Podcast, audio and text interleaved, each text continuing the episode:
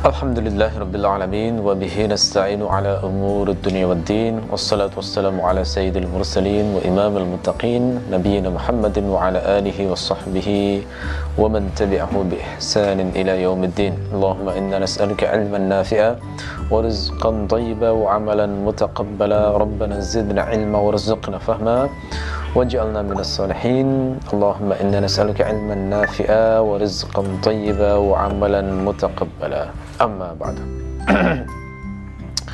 baik saudaraku sekalian rahimahumullah, kita melanjutkan kajian kitab Matan Abu Syuja dan topik kita kali ini adalah membahas tentang hukum berkorban.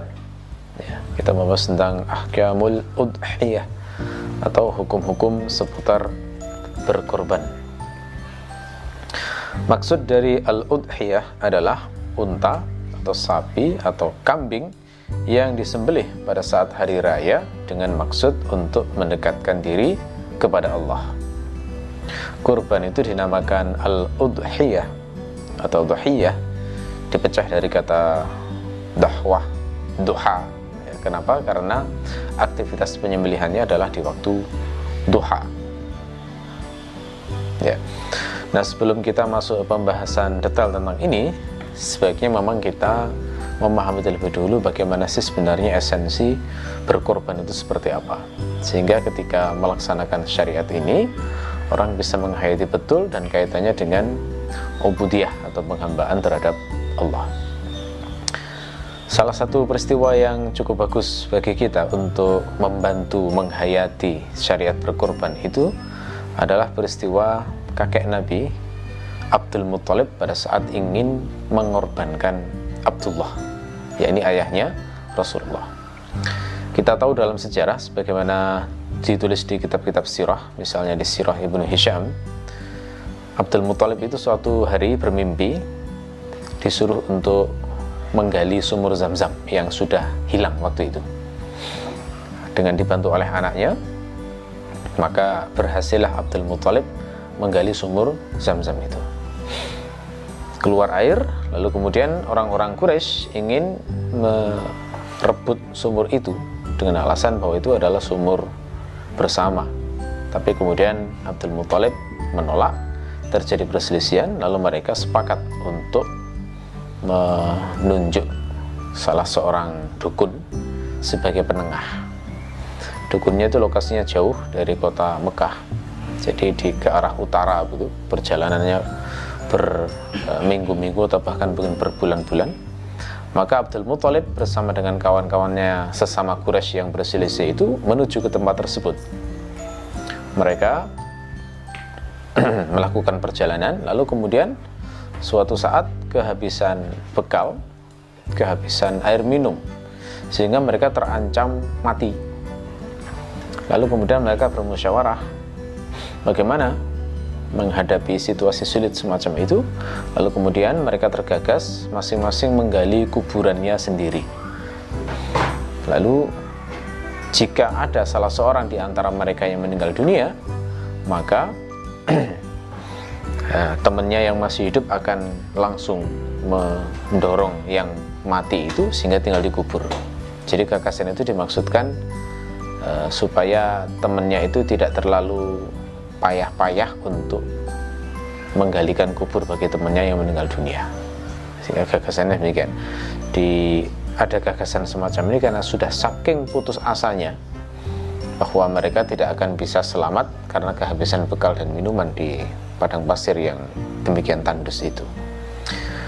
Lalu setelah mereka sepakat masing-masing mulai menggali eh, tanah dan masing-masing menunggu kematian tiba-tiba Abdul Muthalib bangkit kemudian mengatakan ya, yang semacam ini bukan ide yang baik. Lebih baik kita itu tetap berjalan sampai kita tahu apakah kita bisa mendapatkan apa tidak. Nah, akhirnya kemudian setuju. Begitu Abdul Muttalib uh, menggerakkan untanya maka tiba-tiba di bawah kaki unta itu muncul menyumber air yang sangat besar sehingga bisa dipakai dan diminum oleh Abdul Muthalib oleh bersama dengan teman-temannya. Lalu kemudian teman-temannya sesama Quraisy akhirnya mereka mengatakan, sudah kita nggak usah melanjutkan perjalanan, kita kembali saja ke Mekah. Karena zat yang memberimu air minum di tempat seperti ini, dia pula lah yang memberimu sumur zam-zam. Nah, akhirnya saat, saat itu orang-orang Quraisy menyerahkan sudah sumur zam-zam itu pada Abdul Muthalib dan tidak lagi me, e, memintanya, tidak lagi menuntutnya. Ya. Maka sangat senang Abdul Muthalib dengan peristiwa itu dan sebagai ungkapan rasa syukurnya kepada Allah, sebagai ungkapan terima kasihnya kepada Allah, dia bernazar nanti kalau punya anak jumlahnya sampai 10 maka salah satu akan disembelih nah itu nazarnya Abdul Muthalib menyembelih anaknya sendiri. Lalu kemudian suatu hari tercapailah jumlah anak-anaknya Abdul Muthalib itu yakni terkumpul jumlah 10 orang. Begitu sudah terkumpul 10 orang maka Abdul Muthalib bercerita kepada anak-anaknya itu disampaikan peristiwa yang pernah terjadi di masa lalu itu. Anak-anaknya diminta siap karena akan dipilih salah satu untuk disembelih sebagai realisasi dari nazar yang sudah pernah diucapkan oleh Abdul Muthalib. Anak-anaknya bisa menerima semuanya. Setelah bisa menerima, maka dibawalah mereka ke patung terbesar mereka yang bernama Hubal. Nah, di sana kemudian diundi. Ya, ketika diundi, ternyata yang keluar adalah nama Abdullah, yakni pamannya eh ayahnya Rasulullah. Ya. Nah waktu itu Abdullah sebenarnya adalah anaknya Abdul Muthalib yang paling disayang. Waktu itu masih Abdullah waktu itu posisinya adalah anak bungsu. Jadi masih belum lahir Hamzah dan belum lahir Al Abbas paman Nabi yang lebih muda dari Abdullah. Waktu itu Abdullah adalah yang paling bungsu dan yang paling disayang oleh Abdul Muthalib. Tapi karena undiannya sudah keluar bahwa Abdullah ini harus disembelih, maka ya tentu saja dengan berat hati Abdul Muthalib melaksanakan eh, apa itu namanya? Hasil dari undian tersebut. Maka dibawalah Abdul Muthalib, eh, dibawalah Abdullah oleh Abdul Muthalib dengan membawa parang besar untuk disembelih di antara dua berhala yakni Isaf dan Nailah. Begitu sampai di sana Abdullah tidak disembelih maka ditanya oleh orang-orang Quraisy. Mau kau apakan itu anakmu? Abdul Muthalib menjawab, hendakku sembelih karena saya sudah bernazar untuk menyembelih anak saya. Lalu kemudian mereka mengatakan, jangan kau lakukan. Karena ini kalau kau lakukan, itu akan menjadi kebiasaan di tengah-tengah masyarakat Quraisy. Jadi posisi Abdul Muthalib itu kan bangsawan dan tokoh. Jadi, kalau dia melakukan sesuatu, khawatirnya itu nanti menjadi ditiru oleh orang-orang Quraisy yang lain. Terus Abdul Muthalib mengatakan, sudah aku nazarkan bagaimana? Bagaimana mungkin aku akan meninggalkan nazarku ini? Nah, orang Quraisy itu kemudian mengatakan, begini saja, kamu datangi dukun X, disebut nama dukun itu, terus mintalah pertimbangan padanya. Maka Abdul Muthalib setuju, lalu kemudian datang kepada dukun itu. Setelah sampai di sana, dukun itu mengatakan begini, e, kamu buat dua macam undian satu undian bertuliskan nama Abdullah, satu undian bertuliskan nama Unta. Terus kamu kocok, mana yang keluar? Nanti kalau keluar nama Abdullah, maka berarti kamu harus menebusnya dengan 10 ekor unta. Setelah itu kamu kocok lagi. Kalau masih keluar nama Abdullah, maka kamu harus nambahi lagi 10 ekor unta. Dan kamu harus mengocok lagi. Kalau masih setelah dikocok masih keluar nama Abdullah maka kamu harus menambah lagi 10 ekor unta terus lakukan sampai keluar nama unta kalau sudah keluar nama unta berarti Tuhan sudah ridho anakmu diganti dengan sejumlah unta yang keluar itu ya, akhirnya kemudian Abdul Muthalib melaksanakan saran itu dikocoklah undian itu dan ternyata yang pertama keluar nama Abdullah sehingga Abdul Muthalib harus menyediakan 10 ekor unta. Dikocok lagi yang kedua kalinya, masih keluar nama Abdullah. Ditambah lagi akhirnya 10 ekor unta sehingga uh, terkumpul 20 ekor unta. Lalu dikocok lagi, masih keluar nama Abdullah. Sehingga Abdul Muthalib harus nambahi 10 ekor unta lagi sehingga jumlahnya sekarang menjadi 30 ekor unta. lalu Abdul Muthalib mengocok lagi dan masih keluar nama Abdullah sehingga Abdul Muthalib nambah lagi 10 ekor unta menjadi 40 ekor unta terus begitu ternyata itu mencapai 100 ekor unta nah begitu sudah mencapai 100 ekor unta dikocok lagi baru keluar nama unta nah dari sini kemudian akhirnya Abdul Muthalib sudah yakin bahwa Tuhannya sudah ridho bahwa Abdullah itu bisa ditebus dengan 100 ekor unta. Nah, 100 ekor unta itu miliaran ya kalau sekarang. Ya, kira-kira miliaran. Jadi gitu. Nah, akhirnya kemudian disembelihlah 100 ekor unta itu sebagai penebus dari eh, Abdullah yang semestinya disembelih untuk memenuhi nazarnya Abdul Muttalib. Ya, jadi ini ya. Ini contoh kurban terbaik di masa jahiliyah untuk menghayati makna kurban itu seperti apa. Jadi kurban itu kalau kita lihat dari cerita ini, itu bisa disimpulkan bahwa ia munculnya itu adalah sebagai ungkapan terima kasih kepada Tuhan atas nikmat besar yang diberi, yang dirasakan oleh seseorang. Jadi ceritanya Abdul Muthalib itu kan berselisih, kasusnya kasus parah kan gitu ya. Lalu kemudian ternyata dimenangkan oleh Allah. Lalu kemudian sebagai rasa gembira yang luar biasa, dia ingin berterima kasih kepada Allah dengan cara mengorbankan menyembelih anaknya. Nah, itu suasananya semacam itu. Dan fenomena berkorban ini bukan hanya di masyarakat Arab jahiliyah, tapi kalau kita teliti di berbagai peradaban, ada semuanya itu. Ya, terutama masyarakat-masyarakat yang masih menyembah Tuhan dan dewa-dewa. Dan kadang-kadang cara berkorbannya itu ngeri. Di beberapa tempat mungkin korbannya masih berupa hewan dengan cara disembelih atau dipukul kepalanya sampai mati itu ada. Saya pernah baca di India itu ada satu kepercayaan yang berkorbannya adalah dengan sapi atau kerbau tapi nggak disembelih dipukuli kepalanya sampai mati. Jadi caranya uh, seperti itu. Di suku-suku primitif konon misalnya suku Aztec itu berkorbannya bukan hewan tapi malah manusia. Jadi manusia yang mau dikorbankan ini dibawa ke puncak piramida gitu di situ sudah ada dukun yang siap untuk mengorbankan. Terus ada beberapa orang memegangi. Dalam keadaan hidup-hidup dadanya ini di e, diiris dengan belati gitu ya. Ya lalu kemudian dikeluarkan jantungnya. Dalam keadaan hidup itu dia pegangi dengan jantung yang masih berdenyut begitu diambil. Kemudian ditunjukkan kepada e, masyarakat yang berada di bawah begitu. Lalu kemudian dilempar ke bawah lalu kemudian e, mayatnya apa tubuhnya digelundungkan ke bawah di bawah itu sudah ada beberapa orang yang siap untuk memenggal kepala orang yang dikorbankan itu lalu kemudian dagingnya dipotong-potong lalu dimasak dan dimakan oleh para bangsawan yang ada di situ. Jadi ini, ini cara berkorban suku Aztec yang sangat mengerikan, gitu ya.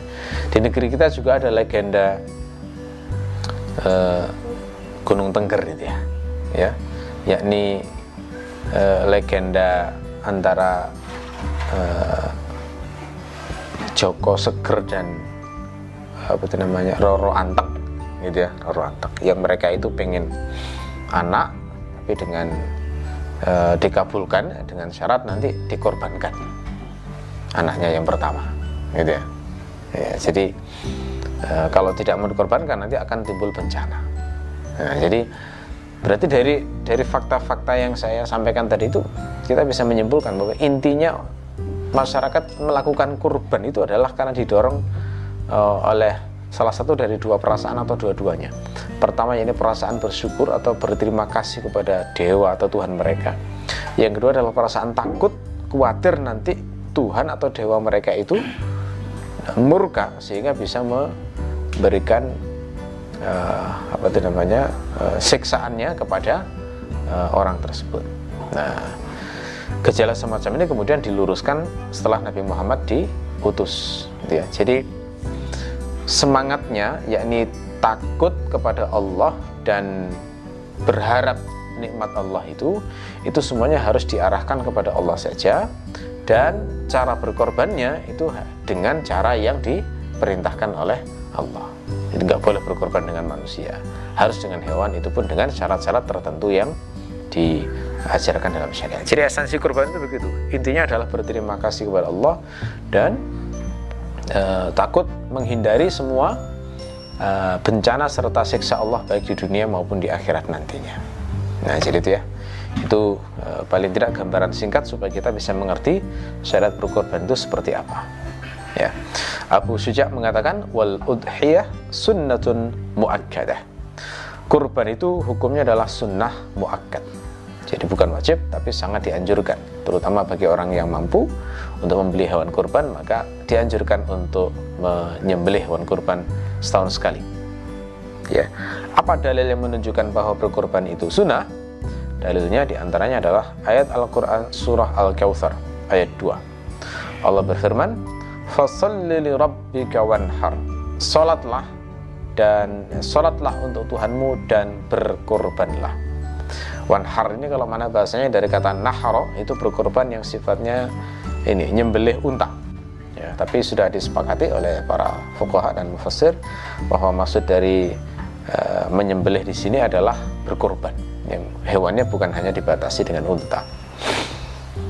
Rasulullah sendiri juga melakukan kurban sebagaimana diriwayatkan oleh Al-Bukhari dalam sahihnya dari Anas beliau mengatakan Dhahan Nabi sallallahu alaihi wasallam bi kabshaini amlahaini aqranaini zabahahuma biyadihi wa samma wa kabbara wa wada'a rijlahu ala sifahihima.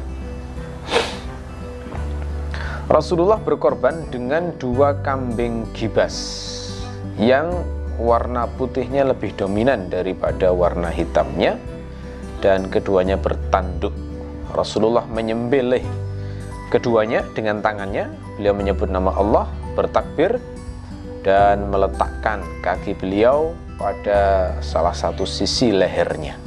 Nah, jadi ini menunjukkan Rasulullah sendiri berkorban dengan kambing gibas dua kambing kibas yang bertanduk. Nah, dari uh, ayat tadi dan juga perbuatan Rasulullah ini bisa disimpulkan bahwa kurban itu adalah sesuatu yang dianjurkan dan sangat dianjurkan malan uh, dan tidak bisa dikatakan wajib karena memang tidak ada korinah yang menunjukkan kewajibannya. Ya. Wa yujzi'u fihal jadha' min Dan sudah sah untuk kurban itu uh, jaza ya, hewan jaza dari domba. Jadi abdaan itu bermakna domba. Nah, jadi mulai kalimat ini itu berbicara tentang usia minimal untuk berkorban. Ya.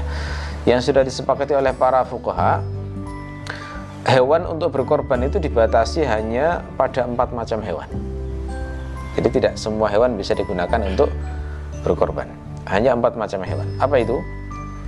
Unta, kemudian sapi, kemudian domba, dan kambing. Jadi domba dibedakan dengan kambing, gitu ya. Karena nanti terkait dengan usia ketentuannya berbeda. Jadi empat macam hewan ini saja tanpa memperdulikan apakah jantan atau betina semuanya sah digunakan untuk berkorban. Jadi berkorban dengan ayam tidak sah. Berkorban dengan bebek tidak sah ya apalagi berkorban dengan burung dara, burung puyuh dan sebagainya. Ya. Jadi hanya empat macam hewan ini saja. Tidak semua hewan bisa digunakan untuk berkorban. Nah hanya saja setiap hewan itu memiliki syarat-syarat minimal. Nah, terkait usia itu ada syarat minimal yang harus dipenuhi. Sapi ada usianya sendiri minimal unta ada usianya sendiri kambing ada usianya sendiri dan domba ada usianya sendiri. Lalu kemudian di sini Abu Syuja menjelaskan usia minimal untuk domba, adok. Jadi adok itu bermakna domba. Usia minimal untuk domba itu berapa? Usia minimalnya adalah jika domba sudah mencapai level jaza. Jadi al jaza itu adalah dalam mazhab Syafi'i, al jaza bermakna domba yang sudah berusia satu tahun masuk tahun kedua. Nah, jadi minimal domba itu usianya minimal satu tahun masuk tahun kedua. Artinya kalau satu tahun menjelang belum bisa.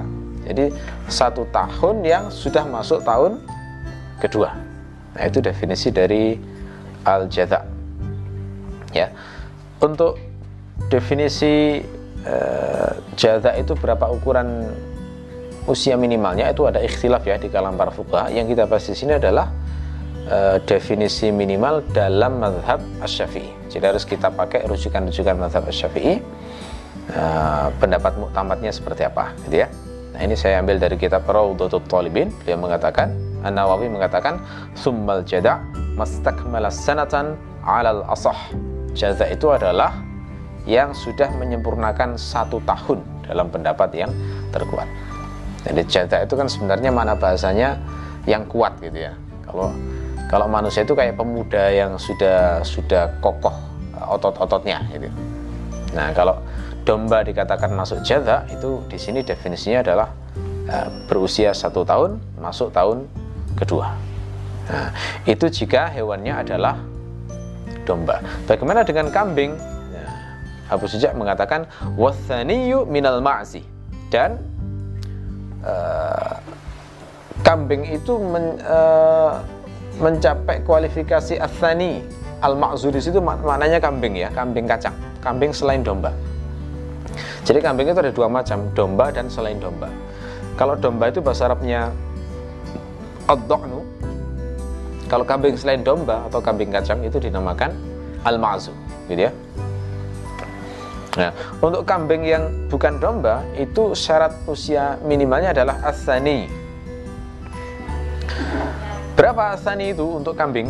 Ya, asani itu untuk kambing maknanya adalah dia berusia 2 tahun dan masuk tahun ketiga. Ya, berusia 2 tahun masuk tahun ketiga. Kalau mata lain nanti beda ini ya. ya tapi ini mata Syafi'i.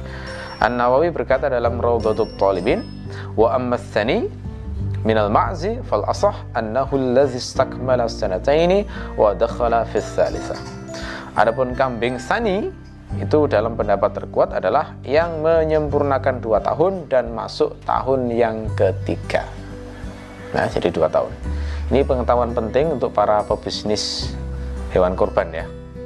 Terutama kalau hidup di masyarakat yang mayoritas mazhab syafi'i ini ini harus benar jualnya kambing itu harus benar jangan sampai jual kambing yang di bawah usia dua tahun atau menjual domba yang di bawah usia uh, satu tahun.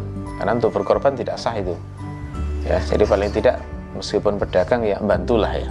Bantu jangan sampai menipu ya nah, bagi orang yang berkorban ingin dilaksanakan menurut mazhab syafii ya kalau perlu dia melakukan studi gimana sih mazhab syafi'i yang lain bagaimana nah, sehingga nanti bisa juga diterangkan ke pembelinya jadi kalau pembelinya uh, mengikuti mazhab selain Syafi'i juga bisa diterangkan sesuai dengan ketentuannya. Ya, gitu. Itu untuk kambing. Bagaimana dengan unta? Nah, Abu Suja mengatakan wathani minal ibil. Nah, unta juga harus mencapai sani. Kenapa dinamakan sani juga? Karena ternyata sani itu secara bahasa adalah hewan yang sudah tanggal gigi depannya. Nah, ya jadi hewan sudah apa ya bahasa Jawanya pupa itu, ya. itu menunjukkan level kedewasaan tertentu. Seperti kalau di pada pada manusia itu anak kalau sudah tanggal giginya itu menunjukkan usia tertentu dia. Nah itu sama seperti pada hewan. Gigi tanggalnya itu usianya beda gitu ya. Jadi untuk kambing kacang tadi gigitnya itu tanggal di usia 2 tahun masuk tahun ketiga. Sementara untuk e, unta kapan bisa dikatakan dia sani ya kata An Nawawi eh, unta dikatakan sani itu adalah ketika berusia lima tahun masuk tahun ke enam ya An Nawawi berkata dalam Raudhatul Talibin wa amma thaniyu minal ibil fahuwa mastakmala khamsa sinin wa ta'ana fis sadisah. Adapun thani di kalangan unta eh, ia adalah hewan yang menyempurnakan lima tahun dan masuk tahun ke enam ya itu. Itu untuk unta. Adapun untuk sapi beda lagi. Ya Abu Suja mengatakan wasani minal ma'zi ya uh, sapi uh, untuk sapi itu juga disyaratkan harus mencapai kualitas sani dan sani pada sapi itu berapa usianya sani itu usianya ternyata sama persis dengan kambing yakni dua tahun ya dua tahun masuk tahun ke tiga berarti yang yang sama usia 2 tahun minimal itu adalah kambing kacang dan sapi. Ya. uh, An-Nawawi berkata terkait dengan sapi ini, wa amma tsaniyu minal bakar wa amma tsaniyu minal bakar famastakmala sanataini wa dakhala fi tsaniyah. Adapun untuk sani pada uh, sapi, maka ia adalah sapi yang sudah menyempurnakan dua tahun dan masuk tahun ketiga. Ya, berarti kita simpulkan ya. Uh, berapa usia minimal hewan kurban dalam mazhab Asy-Syafi'i. Untuk domba usia minimalnya adalah satu tahun. Untuk kambing kacang usia minimalnya adalah dua tahun. Untuk sapi usia minimalnya adalah dua tahun. Untuk unta usia minimalnya adalah lima tahun. Nah ini harus kita eh, ingat-ingat uh, ya, terutama sekali saat sudah masuk uh, hari raya kurban dan ingin berkorban, maka salah satu hal yang terkait dengan sifat hewan kurban ini menjadi syarat sah yang harus diperhatikan. Setelah itu kemudian Abu Suja berbicara tentang uh, syarat sah terkait dengan jumlah orang yang uh, berkorban terkait dengan hewan-hewan korban itu. Jadi ada aturan-aturan khusus ternyata. Abu Suja mengatakan watu tujzi'ul badanah an sab'ah. Unta itu sudah sah untuk berkorban mewakili tujuh orang. Hmm, jadi kalau orang ingin berkorban dengan unta, itu boleh satu orang korban satu unta atau dua orang boleh korban satu unta. Tiga orang urunan korban satu unta maksimal sampai tujuh orang. Maksudnya begitu ya. Nah, jadi kalau misalnya delapan orang urunan untuk korban unta tidak sah karena maksimalnya adalah tujuh. Nah ini. Al badanah di sini maknanya adalah unta. Sudah istilah khusus ini ya kalau dalam kitab fikih atau di kitab-kitab hadis kalau disebut nama badanah itu sudah khusus maknanya adalah unta tanpa membedakan jantan ataukah betina. Ya, dan khusus lagi unta yang sudah siap untuk dikorbankan. Ya, jadi tidak dinamakan badanah kalau untanya masih kurang dari lima tahun. Ya, jadi dinamakan badanah itu adalah minimal untia, untanya sudah berusia lima tahun. Itu. Mengapa untuk unta ini boleh eh, digunakan berkorban tujuh orang. Nah itu didasarkan pada hadis yang diriwayatkan oleh Muslim. Dari Jabir bin Abdullah berkata naharna ma'a Rasulullah sallallahu alaihi wasallam amal Hudaybiyah al-badanah an sab'ah wal baqarah an sab'ah. Kami menyembelih bersama Rasulullah sallallahu alaihi wasallam unta untuk tujuh orang dan sapi tujuh orang jadi ini aturan patungan dalam berkorban ya. Kalau korbannya itu maunya patungan biar ringan, aturannya gitu. Maksimal untuk unta tujuh orang, wal baqarah an sabah dan sapi juga tujuh orang. Sebagian fukuha sedikit sekali tapi e, minoritas itu berpendapat untuk unta itu maksimal bisa sampai 10 orang. Ada yang berpendapat begitu ya. Uh, kalau nggak salah ingat Asyaukani sempat menyinggung itu. Saya lupa apakah Asyaukani termasuk berpendapat begitu karena memang ada hadis sahih yang uh, menyatakan bahwa unta itu uh, pernah dipakai untuk berkorban uh, mewakili 10 orang. Ya, gitu. Tapi jumhur ulama berpendapat tujuh itulah yang menjadi batasan maksimal. Nah, berarti kalau misalnya uh, ada sebuah lembaga misalnya urunan korban dari 200 orang dibelikan sapi. Nah itu sah apa tidak sebagai korban jawabannya tidak sah. Ya itu sedekah biasa berarti. Namanya korban itu harus 7 maksimal. Tidak bisa 200 orang itu urunan gitu ya. Nah, kalau mau sah maka itu harus dihibahkan kepada uh, satu orang maksimal sampai tujuh orang. Misalnya 200 orang di lembaga itu menghibahkan uangnya untuk misalnya kepala sekolah, wakilnya gitu. sampai maksimal 7 misalnya ya. Lalu kemudian dikorbankan. Nah, itu berarti korbannya itu korban atas nama orang yang mendapatkan uang itu berarti. Ya, tapi kalau langsung tidak sah sebagai korban itu hanya latihan berkorban biasanya begitu ya nyebutnya adalah latihan berkorban aslinya itu hanya sedekah saja statusnya nah ini ini hukum ini penting diketahui untuk di antaranya praktek semacam itu ya gitu Kemudian untuk kambing bagaimana? Wasyatu an wahidin. Untuk kambing itu hanya boleh untuk satu orang saja. Jadi tidak sah kambing itu patungan. Satu kambing untuk satu orang. Kenapa demikian? Itu didasarkan pada hadis yang diriwayatkan uh, oleh Malik dalam Muwatta dari Umarah bin Sayyad bahwasanya Atha bin Yasar memberitahunya bahwasanya Abu Ayyub Al-Ansari memberitahu beliau berkata kunna nudahhi bisyatil wahidah yadhbahuha ar-rajulu anhu wa an ahli baitihi thumma tabaha an-nasu ba'du fasarat mubahat. Kami mengorbankan satu kambing yang disembelih seorang laki-laki untuk dirinya dan untuk keluarganya kemudian orang-orang membangga-banggakan sesudah itu sehingga menjadi kebanggaan. Nah, jadi ini sebenarnya Abu Ayyub Al-Ansari salah seorang sahabat ini mengkritik korban di zaman beliau yang sudah mulai salah niat gitu ya. Orang berkorban bukan untuk menyenangkan Allah bukan membuat Allah ridho tapi malah untuk bangga-banggaan pamer-pameran banyak-banyakan gitu ya dan sampai hari ini ujian tersebut akan selalu ada. Setiap orang berkorban itu rasanya kayak pengen diketahui orang ini lo korbanku. Gitu ya. Kadang-kadang begitu. Nah ini uh, seharusnya dihilangkan. Nah tapi poin penting yang disampaikan dalam riwayat ini adalah kambing itu dikorbankan untuk satu orang. Sehingga ini dijadikan dasar oleh para fuqaha bahwa kambing itu nggak bisa patungan. Kambing itu korban hanya untuk satu orang saja. Tetapi untuk niatnya boleh diniatkan untuk pahalanya boleh diniatkan untuk untuk keluarganya boleh. Untuk banyak orang tidak masalah. Tapi kalau korbannya satu orang hanya untuk satu orang.